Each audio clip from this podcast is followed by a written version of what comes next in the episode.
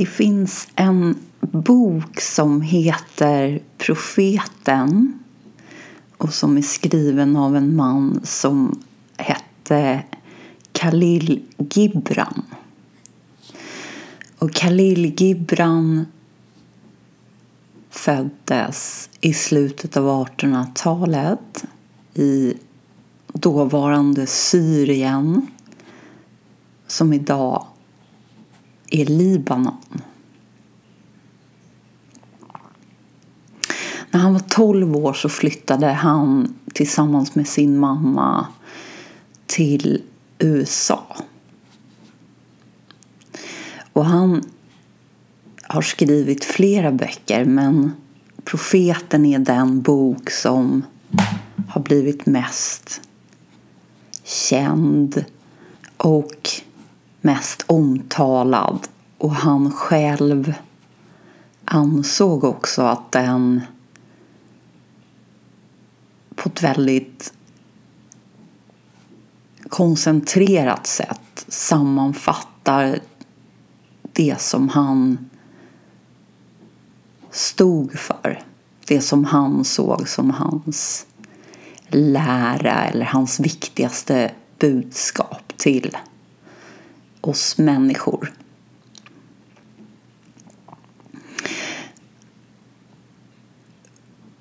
Och det som är mest fantastiskt i den här boken egentligen kanske inte är det han skriver utan en sak som står i inledningen och som författarna har skrivit slutet. I inledningen så skriver de lite grann om Khalils liv väldigt kort. Och lite om hans författarskap. Men precis i slutet så tar de upp hans begravning. Och han hade själv önskemål om att få begravas i sitt hemland som idag är Libanon. Vilket gjorde att man skickade hans aska från USA över till Libanon. Och där höll man en ceremoni och han hade också önskemål om att det skulle vara en idag kanske vi vill kalla det för sluten begravning men mer en hemlig begravning. Han vill liksom inte göra en stor sak av sin begravning. Men trots att det här då var en hemlig begravning som då också hölls i Libanon så kom det präster och olika skriftlärda från många olika delar av världen dit och deltog i den här processionen. Så i det här processionståget så gick det protestanter och katoliker och muslimer och judar sida vid sida för att minnas och får på något sätt hylla och tacka en man som alla de här olika människorna såg hade inspirerat dem och på många sätt bidragit i deras liv med sin lära och sina ord. Och det där tycker jag är helt fantastiskt och det ringer av sanning i det.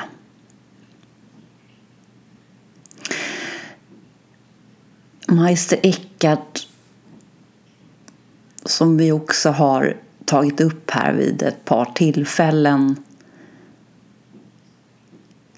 han har också uttalat sig lite om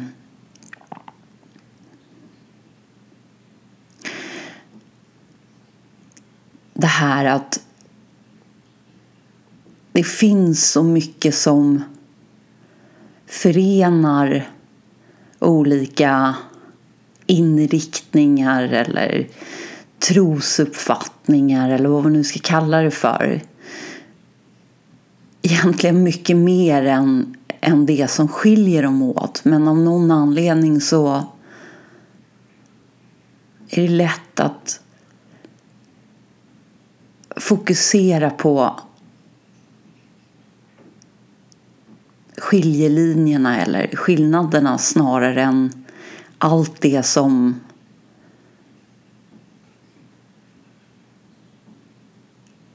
för oss samman.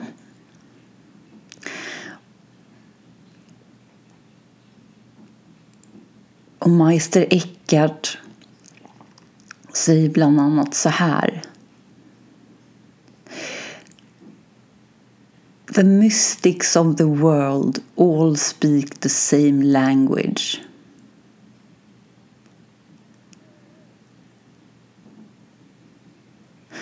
Världens mystiker talar alla samma språk. Och ordet mystiker jag vet inte det är väl på något sätt kopplat till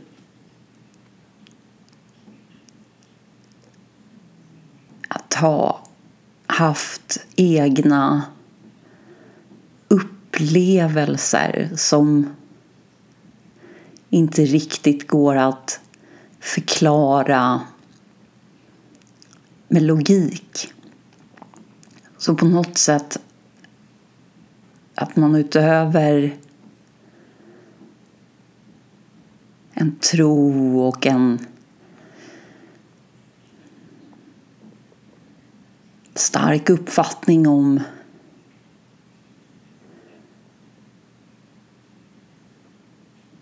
någonting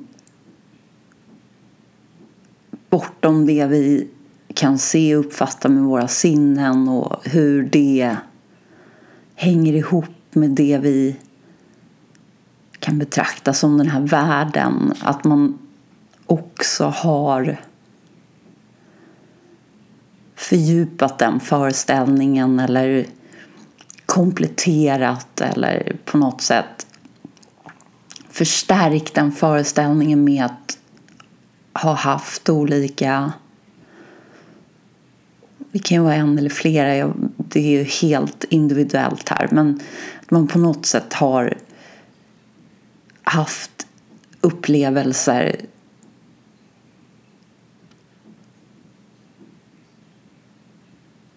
av olika slag. Kanske visioner eller visions. Eller man har liksom sett saker.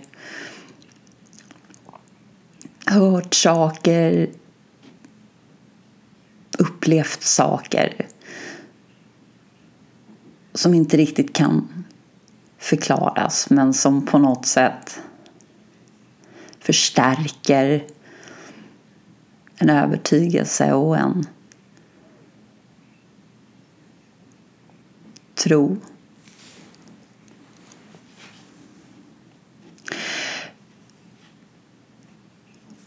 Och det är mer en beskrivning av vad just en mystiker kan klassas som. Men, men ännu mer intressant är väl egentligen att det finns otroligt många som jag känner resonerar väldigt mycket med sanning i det de uttrycker som har klassats som mystiker vilket också gör att de halkar ut lite i periferin ur ett religiöst perspektiv. Så mystiker, oavsett vilken religion de har tillhört betraktas ju inte som det man skulle kunna kalla för mainstream. Alltså de ingår inte i huvudkonceptet.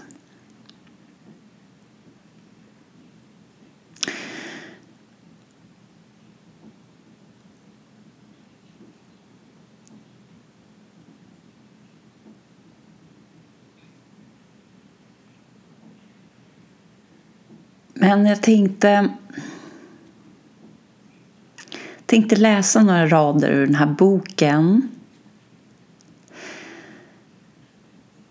Och det jag vill tillägga innan jag gör det är att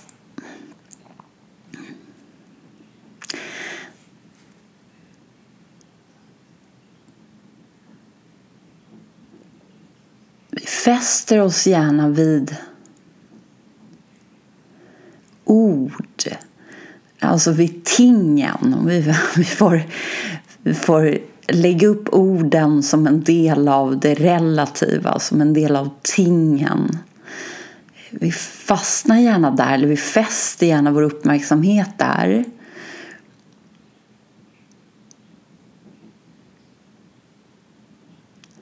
Medan det som jag skulle säga är mycket viktigare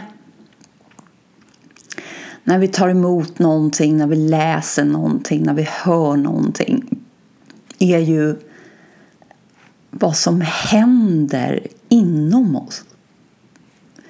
Hur vårt system, om vi får kalla det för det, tar emot det vi läser, det vi hör.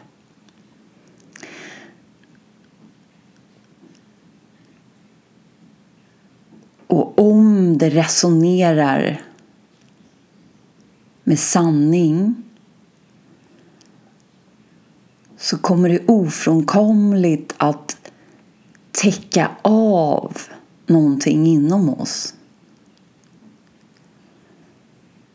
Någonting som redan finns där och som utan att vänta ändå väntar på att bli avtäckt.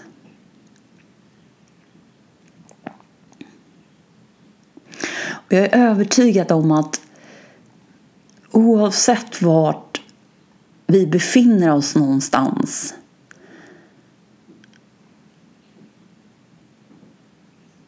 när det gäller vad vi har för uppfattning om oss själva och var vi kommer ifrån och vilka vi är egentligen. Och hur allt hänger ihop med det vi kallar för världen och livet och så vidare.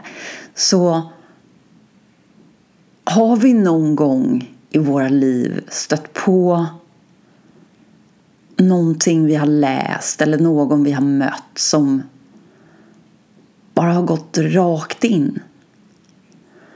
Och kanske har vi förundrats lite över den där känslan att jag vet inte riktigt vad han eller hon sa. Det var bara så renande att få sitta i deras energi och, och bara lyssna på när de pratade eller när de läste. Och det fick mig bara att må så bra.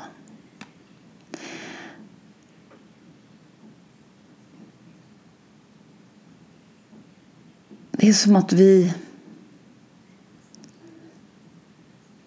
vet egentligen redan innerst inne vad som är sant. För vi kommer ju alla från sanningen. Oavsett vad den är så är vi ju alla därifrån. Och vare sig vi är bildade eller inte och eh, vilken bakgrund vi har och, och var vi någonstans befinner oss just nu i vår livssituation. Det, det spelar liksom egentligen ingen roll och om vi har några fysiska hinder eller begränsningar så spelar det egentligen inte heller någon roll därför att vi tar in saker mycket mer i energimässigt än bara i det vi ser och hör. precis lika mycket som att vi fokuserar på bokstäverna i en bok när vi läser. Men det som gör boken egentligen möjlig är ju de här tomma bladen som på något sätt utgör förutsättningen för att vi ska kunna läsa bokstäverna som står där. Precis på samma sätt så fästs vår uppmärksamhet på tingen, på objekten. Men helheten är det som tas in. Och inget tinget är ju så oändligt mycket större än något tinget vilket gör att det som egentligen påverkar oss mycket mer är det som vi inte direkt kan se och uppfatta.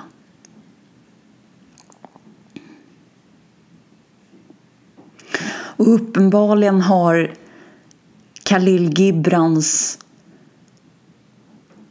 ord och fraser i just den här boken Profeten. Ringt med sanningens klocka eftersom så många människor med olika trosuppfattningar och i en hel del i ganska höga positioner inom sina religioner har känt att det har varit så tilltalande och så inspirerande.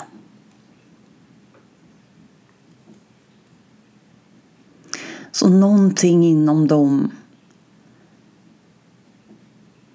hände.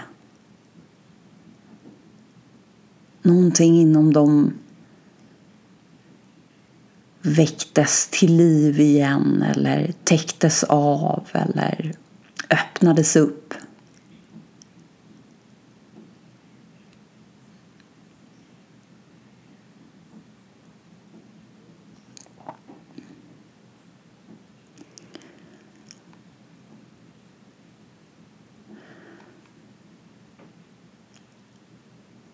Så vi kan se orden mer som nycklar snarare än som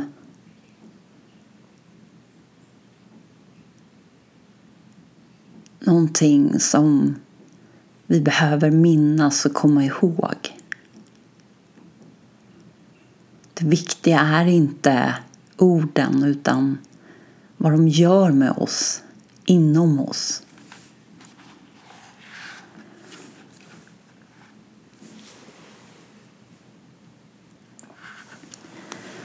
Om mina ord låter svävande så sök inte göra dem klara.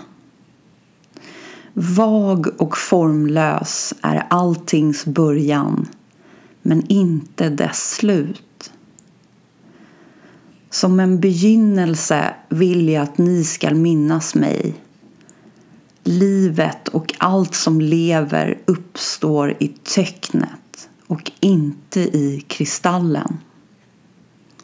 Men vem vet om inte kristallen är ett töcken i upplösning.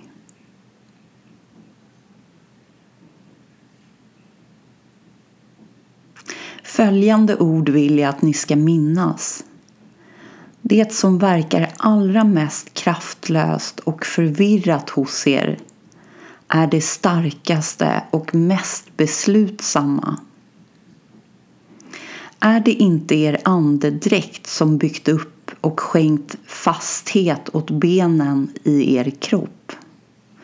Och är det inte en dröm som byggt er stad och format allt i den? En dröm som ingen av er minns. Om ni blott kunde se er andedräkt andedräkts ebb och flod så skulle ni därefter inte se något annat. Och kunde ni bara höra viskningen i drömmen så skulle ni inte höra något annat. Men ni ser inte och ni hör inte och det är gott. Slöjan som skyler era ögon ska lyftas bort av samma händer som vävde den. Leran som fyller era öron skall avlägsnas av de fingrar som knådade den. Och ni skall se och ni skall höra. Men sörj inte över att ni har varit blinda och beklaga er inte över att ni varit döva. Ty en dag skall ni förstå det dolda syftet med allt. Liksom ni idag välsignar ljuset skall ni då också välsigna mörkret.